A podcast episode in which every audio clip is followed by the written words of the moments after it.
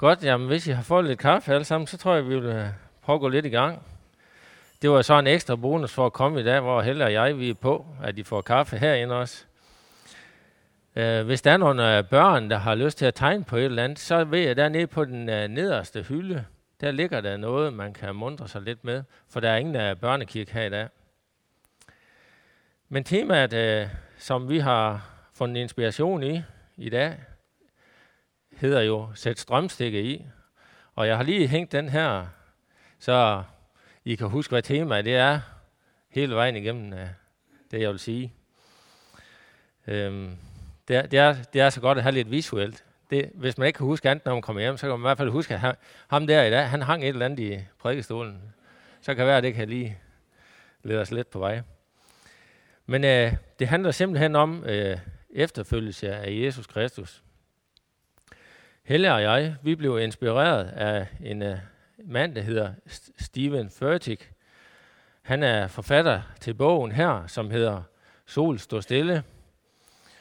Og øh, den handler lidt om, hvad der sker, når man våger at bede Gud om det umulige.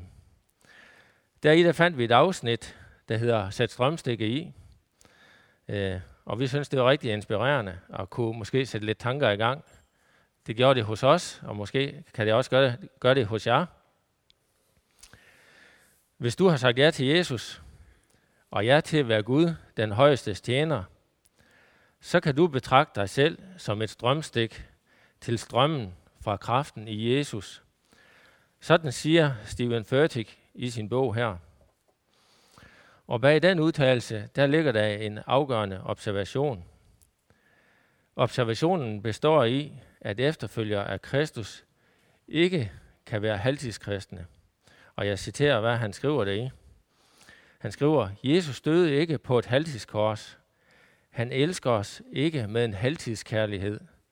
Han dækker os ikke med halvtids tilgivelse for vores sønder. Der findes simpelthen ikke halvtidskristne, og der findes ikke halvtidstjeneste. Så er du kristen, og tror du på Gud, så er det helt naturligt at have sin egen personlige tjeneste i forhold til Gud. Og det er ikke en idé, vi mennesker vi har fået, men det er helt tydeligt, at sådan er Guds plan. For Gud kan det ikke være anderledes. Og vi skal være med til at bygge Guds kirke. Det er hans ønske. Jeg vil øh, læse nogle flere skriftsteder i dag. Det næste, vi skal læse her, det er fra Efeserbrevet, kapitel 4, vers 1-16. Det er ikke det hele, jeg vil gå i dybden med, men det får vi lige for sammenhængen i, i forhold til det, jeg plukker ud om lidt. Det handler om øh, åndens enhed og nådegaverne. Jeg, der er fanget for Herrens skyld, formaner jeg der at leve, så det svarer til det kald, I fik med al ydmyghed og mildhed, med tålmodighed, så I bærer over med hinanden i kærlighed og stræber efter at fastholde åndens enhed med fredens bånd. Et læme og en ånd, ligesom I også blev kaldet til et håb, en herre, en tro, en dåb, en Gud og alles fader, som er over alle, gennem alle og i alle. Hver enkelt af os har fået nåden givet som gave, tilmålt af, af Kristus. Derfor hedder det, han steg op til det høje, han har ført fanger med, han har givet gaver til menneskene. Men at han er steget op, hvad andet betyder det, at han også er steget ned til den lave jord. Han, som er steget ned, er den samme, som også er steget op højt over alle himle for at fylde alt, og han har givet os nogle til at være apostle, andre til at være profeter, andre til at være evangelister, og andre til at være hyrder og lærere, for at udruste dit hellige til at gøre tjeneste, så Kristi vækst som så Kristi læme bygges op, indtil vi alle når frem til enheden i troen og erkendelsen af Guds søn, til at være et fuldvoksen menneske, en vækst, som kan rumme Kristi fylde. Jeg tror, jeg holder der. Det, som jeg bider mærke i her, det er, at han har givet os nogle til at være apostle, andre til at være profeter, andre til at være evangelister, og andre til at være hyrder og lærere. Og formålet er for at udruste de hellige til at gøre tjeneste, så Kristi læme bygges op. Så det er simpelthen formålet. Det er, at Kristi læme det bygges op, som det står i vers 12. Så Gud, han har helt klart tænkt over, hvorfor at vi som mennesker og del af en menighed skal være strømstik, og hvad formålet er med det. Vi er alle tiltænkt til at bruge vores nådegaver, evner og personlighed til at tjene, når vi bygger Guds kirke. Mange af os kan glemme i perioder, hvad formålet med at tjene Gud egentlig handler om. Derfor er det meget vigtigt for mig i dag at understrege, at det ikke er noget, som vi mennesker har fundet på. Nej, det er Gud, der kalder dig til at være efterfølger af ham med din tjeneste.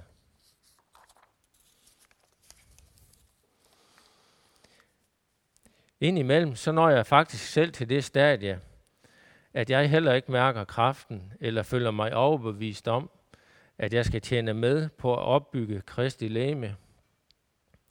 Det er vel meget menneskeligt, at man kan komme dertil. Men samtidig så tror jeg netop, at det er her, vi skal søge Guds nærvær gennem bibellæsning og bøn og sang, for at høre et fornyet kald fra ham. Kaldet til tjeneste og kaldet til fuldtidstjeneste. Vi kan jo ikke være halvtidstjeneste hos Gud. Så enten så tjener vi med ham, fordi vi har sagt ja til Jesus, eller også så er det fordi, vi har skubbet ham bort. Her vil jeg igen prøve at trække et par bibelske eksempler frem, hvor Gud han kalder mennesker.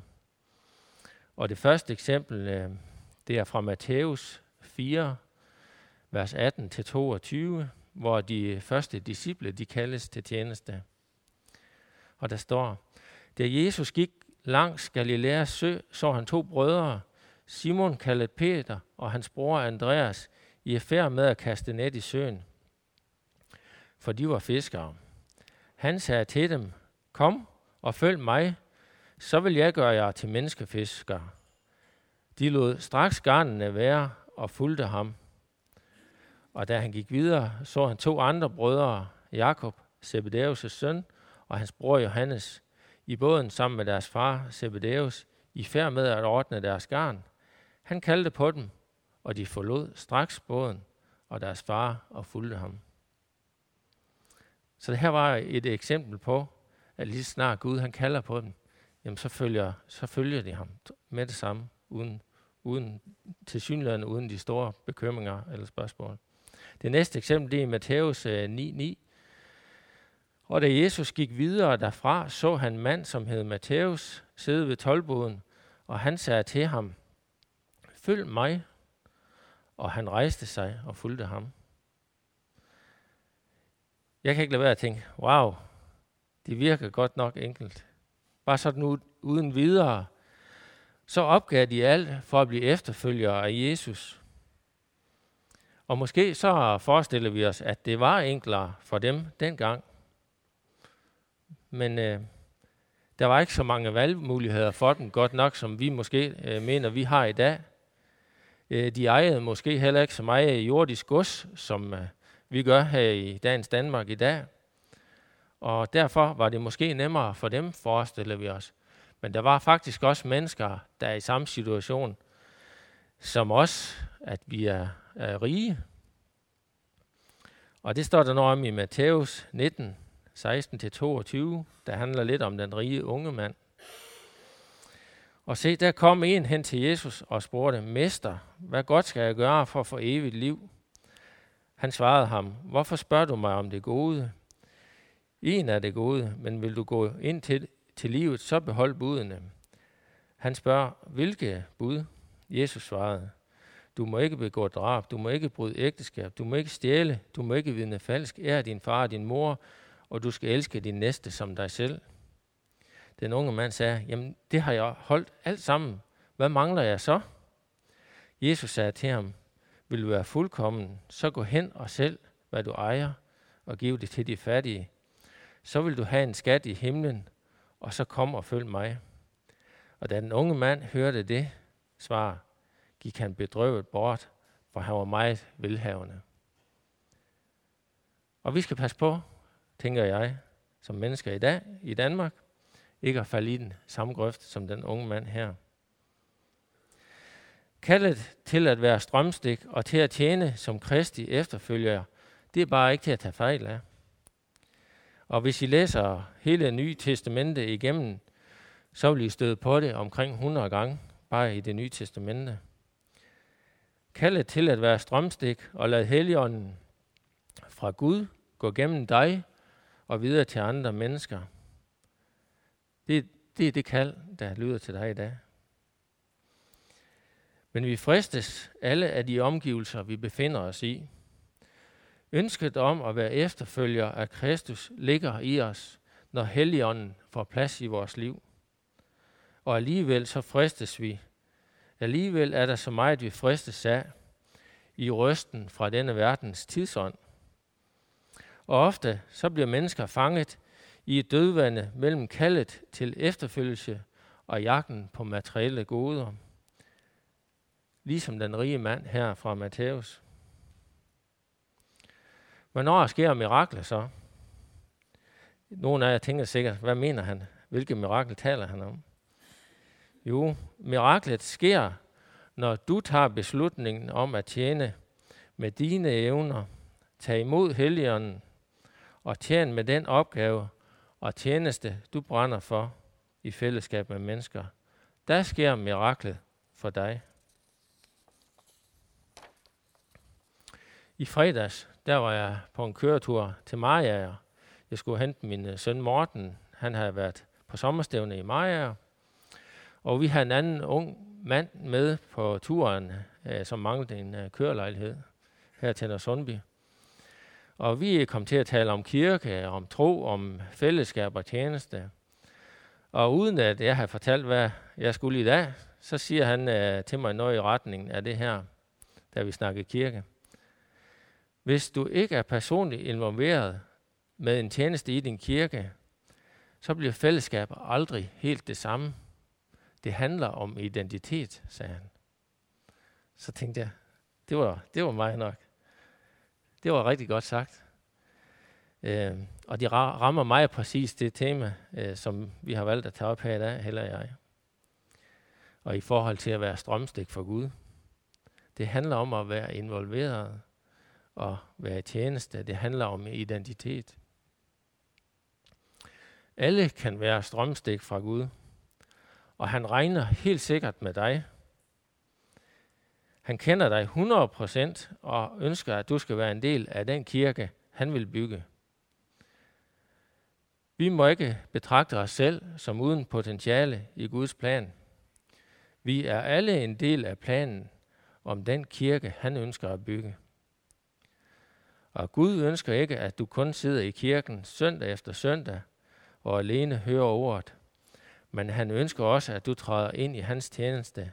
Det var hans plan. Det er helt naturligt for Gud. Og det er en selvfølge for Gud. Det er et ønske fra Gud. Det er at træde ind i hans tjeneste. At det bliver en del af din DNA og identitet. Samtidig har jeg tænkt, at vi som kristne trænger til at opgøre med vores syn på at være i tjeneste. Og det er en udbredt opfattelse, at flere ting kan undtage os fra tjeneste. Nej, du er ikke for gammel til tjeneste. Det læser vi ikke noget om i Bibelen. Og nej, du har heller ikke været i tjeneste længe nok. Det kan jeg heller ikke læse noget om. Man pensioneres ikke i, i Bibelen på grund af ens alder. Du er heller ikke for ung til tjeneste. Det kommer heller ikke an på øh, andre menneskers anerkendelse af dig. For Gud, han har planer med dig. Tjeneste afhænger ikke af, hvilket land du kommer fra. Alle mennesker, uanset nationalitet, alder, erfaring eller andre ting, de kan tjene her i Betelkirken eller i en anden kirke. Så du skal tjene, fordi du vælger det. Fordi du vælger at blive kristig efterfølger. Fordi du vælger at tro på ham som en i Gud. Du skal vælge at høre kaldet fra ham om tjeneste, så Kristi læge det opbygges. Du skal vælge at være strømstik for Gud. Du kan være strømstik og tjene på mange måder. Nogle har for mennesker synlige tjenester, og andre har usynlige tjenester. Men for Gud handler det om noget andet. Det handler nemlig om at udruste de hellige til at gøre tjeneste. Og de hellige, det er jeg. Så Kristi læme bygges op, indtil vi alle når frem til enheden i troen og i erkendelsen af Guds søn, til at være et fuldvoksen menneske, en vækst, som kan rumme Kristi fylde. Som Stephen Furtick siger, hvert medlem er et led i kæden i den livsforvandlende proces. De er et stik til strømmen fra kraften i Jesus. Hans nåde strømmer via dem ind i livet hos dem, de tjener. Så det er jeg, Betel. Hver eneste af jer bliver omtalt i den her bog. Og hver eneste af jer bliver omtalt i Bibelen. Og det synes jeg, at vi skal handle på, sådan at mennesker, der er langt fra Gud, får en mulighed for at blive fyldt med liv i Kristus. Hvem skal ellers gøre det? Amen. Vi skal synge nogle lovsang sammen.